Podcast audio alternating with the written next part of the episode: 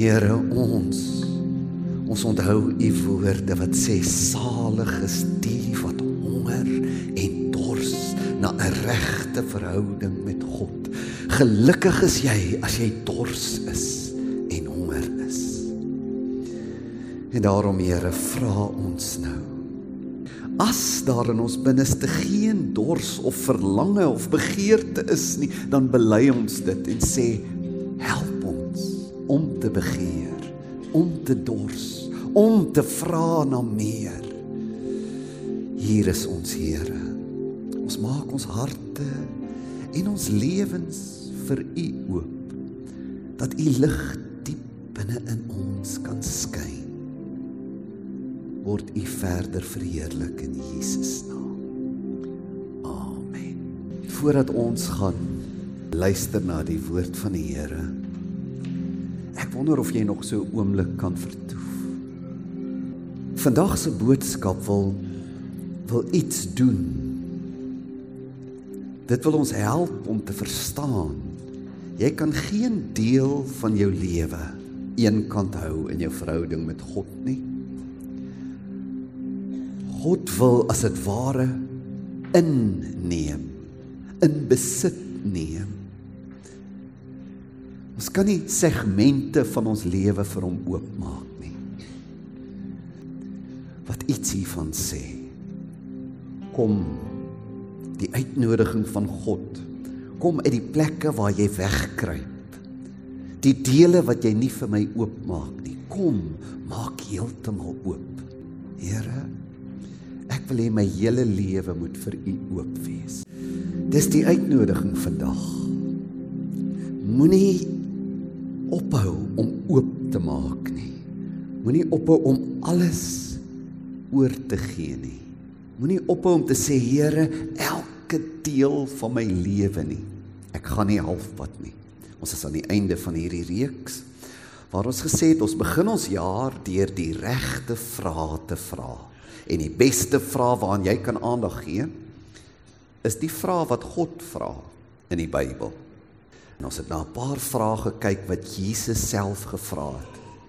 Volgende week begin ons met 'n nuwe reeks. Ek gaan net nou daarvan sê, maar ek is baie opgewonde daaroor. Ons noem dit ek leef. Ons daar leen dat God jou lewe net wil kleiner maak en uh, as jy God wil dien is is dit faal. Maar meer daaroor net nou. Nou sluit ons die reeks af. En vandag kom ons by 'n baie baie belangrike vraag. Kom ons lees waar die vraag voorkom. Wil jy gesond word? Dis daar in Johannes 5 vanaf vers 1. En as ons nou die gedeelte lees. Dis ook 'n oefening in skrif lees. In ons klein groepe doen ons hierdie oefening byna elke week waar ons onsself oopmaak en vra watter dele in die verse, hierdie gedeelte begin met my praat individueel. Ek maak my oop vir hierdie woorde. En dan deel ons dit met mekaar. Vandag sal ek met jou deel wat met my gebeur het toe ek met hierdie gedeelte in die week gestoei het. Sal jy jou hart nou vir die gedeelte oopmaak? Johannes 5. Hierna was daar weer 'n fees van die Jode. En Jesus het daarvoor Jerusalem toe gegaan. By die skaappoort in in Jerusalem was daar 'n bad met die Hebreëse naam Bethesda. Dit het 5 pilaargange gehad waar daar baie gestremdes gelê het. Blindes, krepeles en lammes.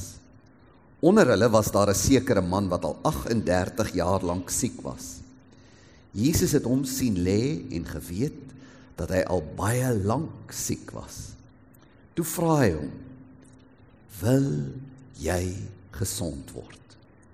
Die sieke het hom geantwoord: "Meneer, ek het niemand om my in die bad te sit as die water in beweging kom nie, en terwyl ek aansukkel, gaan iemand anders voor my in." Jesus sê toe vir hom: "Staan op. Tel jou goed op en loop." Oombliklik het die man gesond geword.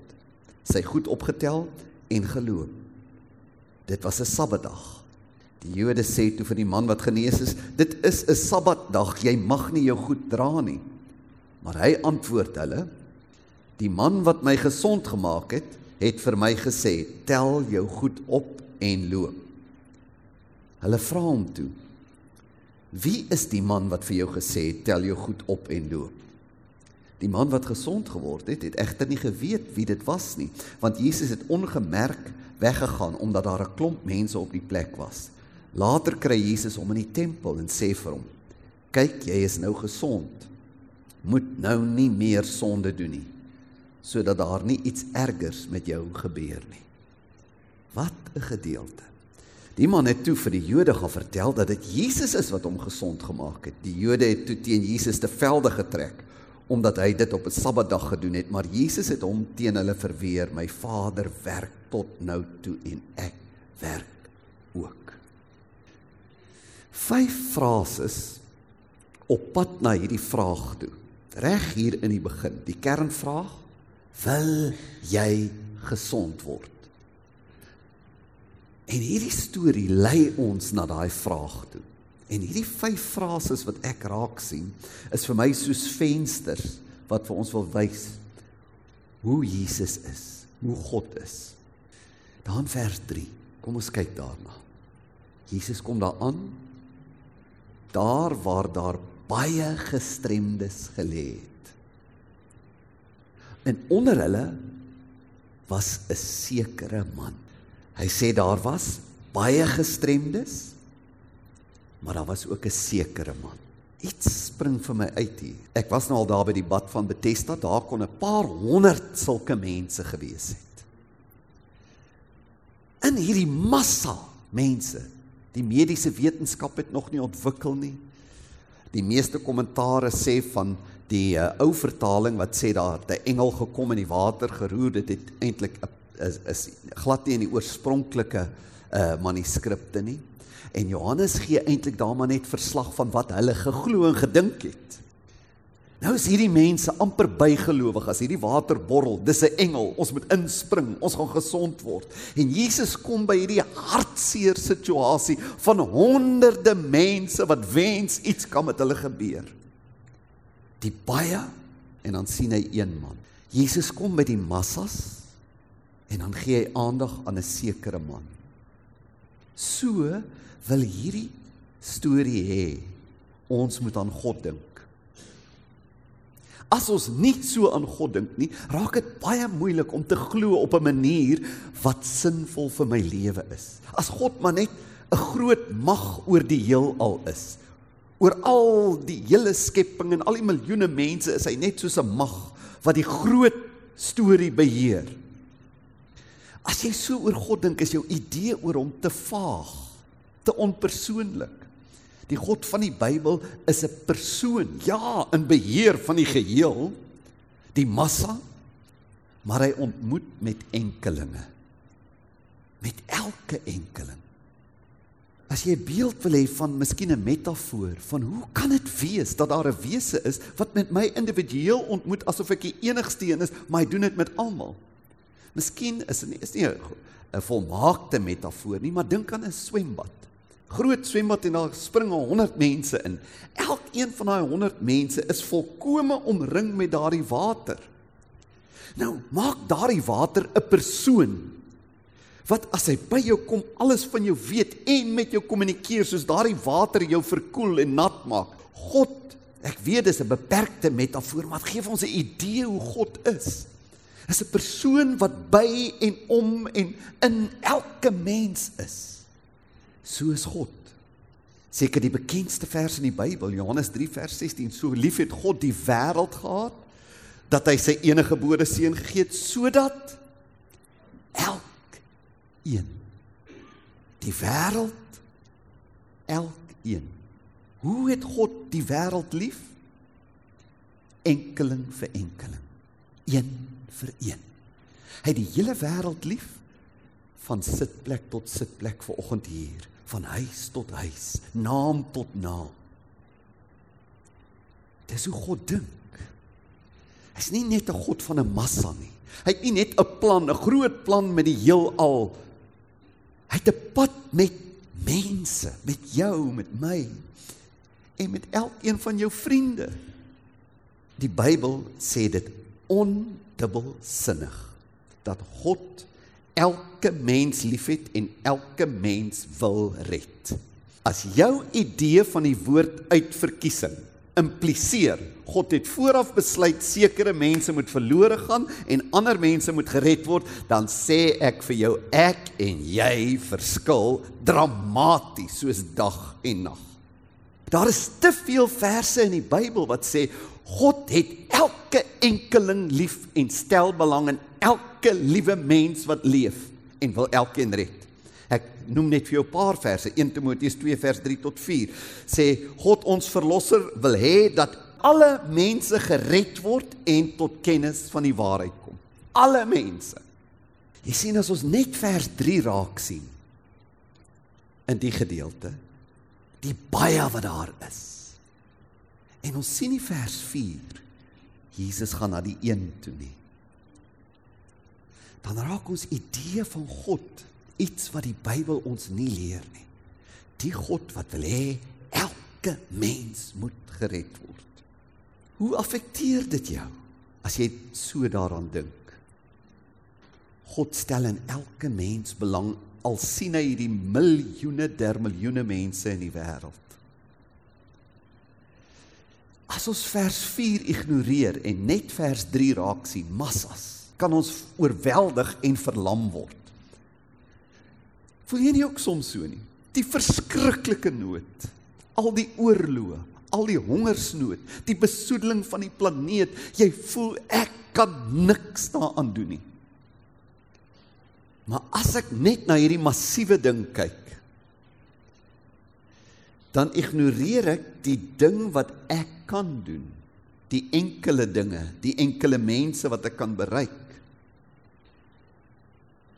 Omdat ek weet duisende miljoene mense glo glad nie. As ek net dit raak sien, dan sien ek nie raak dat God my gaan verantwoordelik hou nie vir die duisende miljoene nie, maar vir my goeie vriend wat ek weet nie glo nie en nou deur 'n moeilike tyd gaan en ek bel hom nie en ek nooi hom nie na 'n diens toe nie en ek bid nie vir hom nie en ek is te skaam om geestelike gesprekke met hom te hê. God is die God wat na die een persoon toe uitreik wat nie net vaag weg vir 'n dorp bid nie. Dis sekerlik goed om sulke gebedstye te hê. Ons bid vir lande en volke, daar's niks meer verkeerd nie. Maar as ons vir mense bid en nie na enkelinge toe uitreik nie, dan val ons gebede plat. Baie verse sê God is die God van enkelinge. Titus 2 vers 11 sê die reddende genade van God het aan alle mense verskyn, bedoelende God se genade het gekom om vir elke mens wat leef te wys God wil hom red. Romeine 5 vers 18 One man's act of righteousness leads to acquittal and right standing with God and life for all men. Kyk wat sê Paulus van sy ywer. Hoekom hou Paulus kerk? En daarom wil ek jou vra, hoekom hou ons kerk? Paulus sê in Kolossense 1 vers 28. Hy sê ons verkondig Jesus deurdat ons alle mense met alle moontlike wysheid onderrig en leer sodat ons luister na die woorde sodat ons elke mens tot geestelike volwassenheid in Christus kan bring. Paulus sê ek leef sodat ek elke mens aan Jesus kan voorstel en hom help om vir Jesus te leef. Hy sê daarvoor span ek my in en daarvoor beywer ek my met die krag wat hy my gee en kragtig in my werk. Paulus sê hy het sy hele lewe daaraan gewy om so ver as wat hy kan elke mens wat hy ontmoet vir die Here te vra. Here, wat wil U hê moet ek vir die persoon beteken? Hoe moet ek hom bereik? Moet ek vir hom bid? Hoe in watter soort gesprekke moet ek hom uh, met hom wees? Dis die eerste ding wat my getref het. Jesus word nie verlam en kyk hierdie verskriklike elende nie. Hy begin my een mens. Hy sê wel ek gaan hom help. En die boodskap van die Bybel is so is daar hoop vir elke mens en ek en jy is Jesus se liggaam wat begin sê, is daar iemand eers wat my nodig het? Iemand wat vir my werk of vir wie ek werk? Iemand wat saam met my werk, 'n vriend, 'n familielid, iemand wat deur 'n krisis gaan. Iemand wat apaties of aggressief teenoor die kerk is. Ignoreer ek dit nie? Jesus sien mense raak. Kom ons gaan aan met hierdie verse. Hy sê wat al 38 jaar lank siek was. Terwyl ek voorberei, dink ek, waar was ek 38 jaar gelede? Dis 'n paar mense hier wat nog nie gebore was nie. Ek was 'n eerste jaar teologiese student. Waar was jy? In 1981. Maar sê nou ek was van 1981 tot nou toe siek en verlam. 38 jaar hoop ek iets gaan gebeur en niks gebeur nie. Wat sê dit vir jou hierdie teks? Wie wat sê dit vir my? Dit sê dis nooit te laat nie. Dis nooit finaal nie. Dis nooit verby nie. Hier is 'n storie van iemand wat 'n leeftyd moedeloos is. 'n Leeftyd werk niks uit nie. 38 jaar en toe gebeur dit. Wil jy nie vanoggend as jy dalk voel daar's dinge wat net nie uitwerk nie. Daar's dinge wat net nie wil verander nie. Ek is hier om vir jou te sê skep moed. Gaan aan. Die Here kan vir jou iets doen. En kyk na hierdie volgende verse. Ag volgende woorde. Jesus het hom sien lê. Gryp dit jou nie aan nie. Wat gebeur in jou binneste? Jesus kom daar aan. En hy sien hom. Ek sien jou. En het geweet dat hy al baie lank siek is. Jesus weet van jou. Hy sien jou. Die Bybel bedoel dit as Jesus daar in Matteus 6 sê elke haar van jou hoof is getel. Hy weet alles van jou. Die God van die storie is 'n God wat sien en hoor. Hebreërs 4 vers 13 sê daar is geen skepsel geen skepsel onsigbaar voor hom nie. Maar alles is oop en bloot voor die oë van hom met wie ons te doen het. Niks is bedek nie. Hy sien alles en hy hoor alles.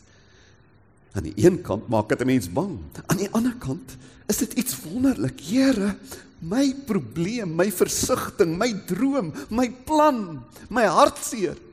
U sien dit u weet dan vat die storie ons na die vraag toe toe vra hy vir hom wil jy gesond word hierdie vraag het dit baie meer betekenis as dat Jesus net die verlamde man moed wou gee om te glo. Dis 'n vraag wat 'n mens eintlik moet laat sidder. Want dis 'n vraag wat hy vir jou vandag vra. Is jy seker? Jy wil hê ek moet jou help. Dis die vraag. Dink mooi, wil jy? Wil jy regtig hê ek moet jou help? Nou hoekom sê ek as God jou dit vra, is dit 'n vraag wat jou moet laat sidder. Want God, as hy inkom, is nooit tevrede om net in een vertrek van die huis van my lewe in te kom nie. Kyk na hierdie aanhaling van Tauler. God wants only one thing in the whole world to find the innermost part of the spirit of man clean and ready for him to accomplish the divine purpose therein. He has all the power in heaven and earth, but the power to do uh, his work in man against man's will, he has not got. Hy sê besluit jy. En as jy besluit, dan wil ek jou hele wese in besit neem. Wil jy gesond word? Wil jy gehelp word? Jy kan 'n klomp die vraag op 'n klomp maniere vra. Wil jy fiks word? sien jy kans daarvoor? Wil jy goed doen op skool? Besef jy dit gaan dissipline van jou vra. Wil jy beter huwelik hê? Sal jy die pyn van die huwelik soos hy nou is vat en dit hanteer? Wil jy vorder in jou werk? Sal jy harder werk? Sal jy die implikasies van die vraag oordink? Wil jy? Wil jy regtig hê jy wat hier 38 jaar lê, ek moet jou nou help? Want jy moet besef, ek gaan jou nie net help om te kan loop nie. Ek wil jou hele lewe uitsorteer. Iemand wat dit baie beter as ek kan sê, is 'n Engelse professor gewees wat 'n groot invloed op my denke het, C.S. Lewis. Kan ek vir jou lees hoe hy hieroor praat? En hoekom ek vandag sê, as God vir jou sê, "Kan ek jou help?" dan moet jy baie mooi dink voordat jy sê ja. Hy sê, It is not so much of our time and so much of our attention that God demands. It is not even all our time and all our attention. It is ourselves. For each of us, the Baptist's words are true. He must increase, uh, increase and I must decrease. He will be infinitely merciful to our repeated failures. I know no promise that He will accept a deliberate compromise. Failures will be forgiven. It is acquiescence, submission to our own selfish desires to be independent that is fatal. The permitted, regularized presence of an area of ourselves which we still claim for our own. What cannot be admitted what must exist only as an undefeated but daily resisted enemy is the idea of something that is our own. Some area in which we are to be out of school, on which God has no claim. For he claims all because he is love and must bless. He cannot bless us unless he has us when we try to keep within us an area that is our own, we try to keep an area of death. Therefore, in love, he claims all. There is no bargaining with him. Jy kan nie sê ja, Here, help my. I find a good many people have been bothered by our Lord's words, be ye perfect. I think he meant the only help I will give is help to become perfect. You may want something less, but I will give you nothing less. Let me explain. When I was a child, I often had a toothache, and I knew that I that if I went to my mother, she would give me something which would deaden the pain for that night and let me go to sleep. But I did not go to my mother, at least not till the pain became very bad. And the reason that I did not go was this I did not doubt she would give me the aspirin, but I knew she would also do something else. I knew she would take me to the dentist the next morning. I could not get what I wanted out of her without getting something more, which I did not want. I wanted immediate relief from the pain, but I could not get it without having my teeth set permanently right. And I knew those dentists. I knew they started fiddling about with all sorts of other teeth, which had not yet begun to ache. They would not let sleeping dogs lie. I, if you gave them an inch, they took an L. En hulle stuur die rekening. Now, if I must put it in that way, our Lord is like the dentist. If you give him an inch, he will take an L. Dozens of people go to him to be cured of some one particular sin which they are ashamed of, or problem which is obviously spoiling their daily life. Well, he will cure it all right, but he will not stop there. That may be all you asked, but if once you call him in, he will give you the full treatment.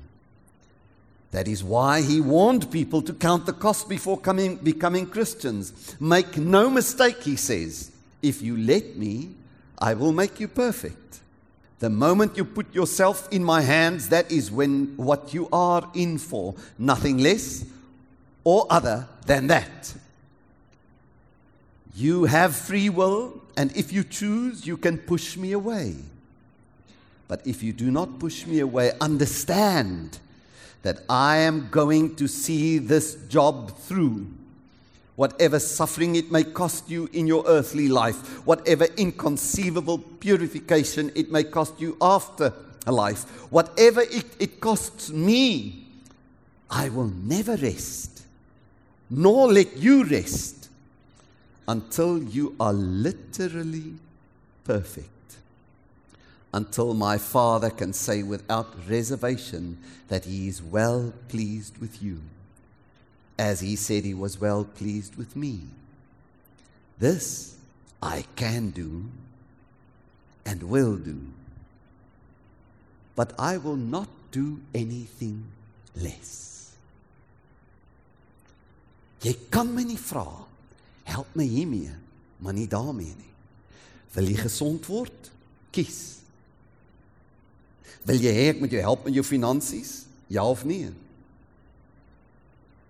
Maar die oomblik as jy jou finansies vir my gee, dan gaan ek met jou praat oor jou woorde, jou gedagtes, jou eetgewoontes, hoe jy hoe dit met jou huwelik gaan, hoe jy uitreik na mense.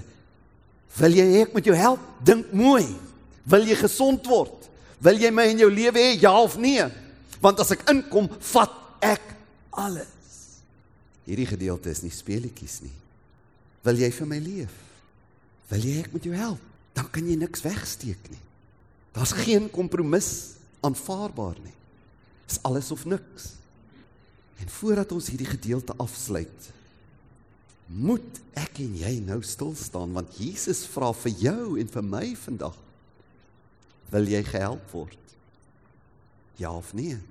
En as ons dit ernstig opneem, dan sê ons Here, laat U lig skyn. Wys my. Jy kan nie net die een probleem na die Here toe bring en die res weghou nie. En ek nooi jou nou om erns te maak met die vraag: Wil jy? Is jy in of is jy uit?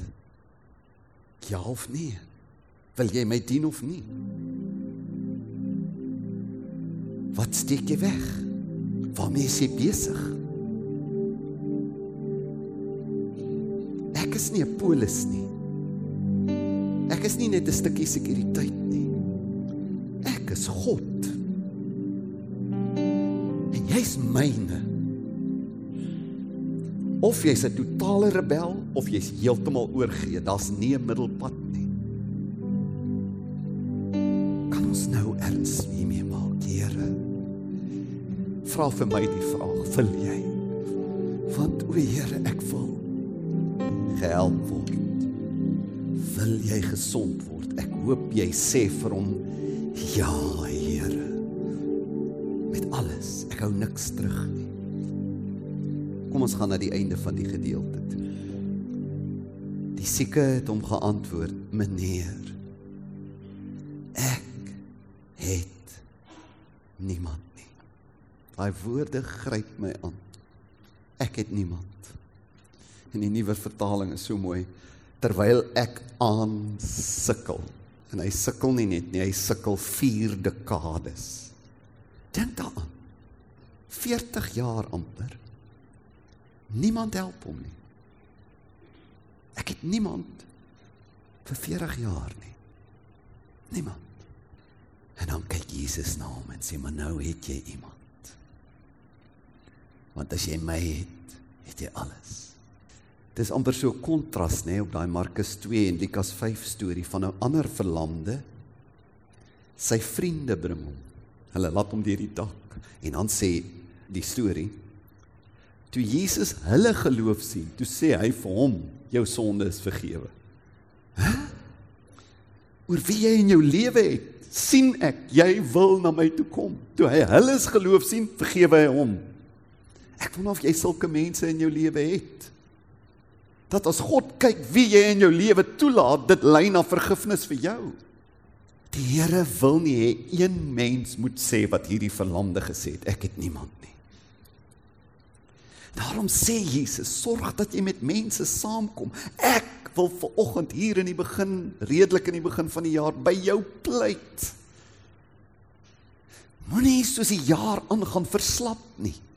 Wees deel, wees deel van 'n groep, bly onder verkondiging. Wees deel van 'n klein groep as jy kan. Of in jou huis, 'n vriendekring. Want Jesus beloof ons is in hierdie verhoudings. Hy sê in Matteus 18 vers 19 tot 20, een van daai verse wat te bekend is, daarom ignoreer ons hom. Hy sê as twee van julle saamstem op die aarde oor enige saak wat hulle mag vra, daai saamstem is simfoneo dat julle 'n eenheid is. Dit sal hulle ten deel val van my Vader wat in die hemel is, want waar twee of drie van julle in my naam saam is, daar is ek by julle. Here, ek het niemand nie. Ek het niemand wat saam met my hierdie las dra nie. Hier het jy iemand. Ons vra vir jou as jy deur 'n moeilike tyd gaan, moenie laat ons na die tyd dit hoor nie. Laat ons weet. Iemand sal saam met jou bid by die hospitaal of by jou huis. Moenie uiteindelik sê vir my is my lewe asof ek niemand het nie. Niemand wat die las saam met dra nie. En dan sê Jesus vir hom: Staan op. Tel jou goed op en loop. Jesus sê dit vir hom. Daardie woorde het krag dat iets gebeur. Toe toe daardie man dit hoor ek sê vir jou staan op. Toe hoor hy dit wat Psalm 33 sê dat God het deur die asem van sy mond die heelal geskep. Dis asof daardie woorde hom gesond maak. Ek sê vir jou om op die plek te kom dat jy gereeld hoor die Here praat met my. Dit verander dinge. Dit laat jou opstaan Jesus het gesê die hemel en die aarde sal verbygaan, maar my woorde sal nooit verbygaan nie. As jy werk maak om onder God se woord te sit, in God se woord te sit en van tyd tot tyd te ervaar, nou is dit asof hy met my persoonlik praat, sal met jou gebeur wat met die lamman gebeur. In die lamheid van 'n situasie sal jy voel, nou staan ek op. Want God het met my gepraat. En dan sluit die gedeelte op af. Later kry Jesus hom in die tempel. Dit is wonderlik. 38 jaar lank sit hy daar by daai bad. Die eerste plek waarheen hy gaan as hy gesond is. Hy gaan kerk toe. En dan sê Jesus vir hom. Hy sê kyk jy is nou gesond. Moet nou nie meer sonde doen nie sodat daar nie iets ergers met jou gebeur nie. Jesus waarsku hom. Onthou, dit wat met jou gebeur het, is God wat jou optel, maar's nie outomaties nie. Hou aan my vas. Moenie afdwaal nie. Moenie verslap in jou geloof nie. Ek kan jou help dat jou lewe nie teruggaan nie, dat hy nie weer kleiner word nie. Jy gaan nie noodwendig weer verlam raak nie, maar wat is erger as om dat God jou lamheid gesond gemaak het, maar jy jy dien hom nie en jy gaan verlore. Dis die erger ding.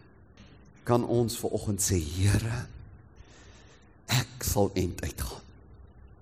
Ek wil U dien tot aan die einde. Kom ons bid saam.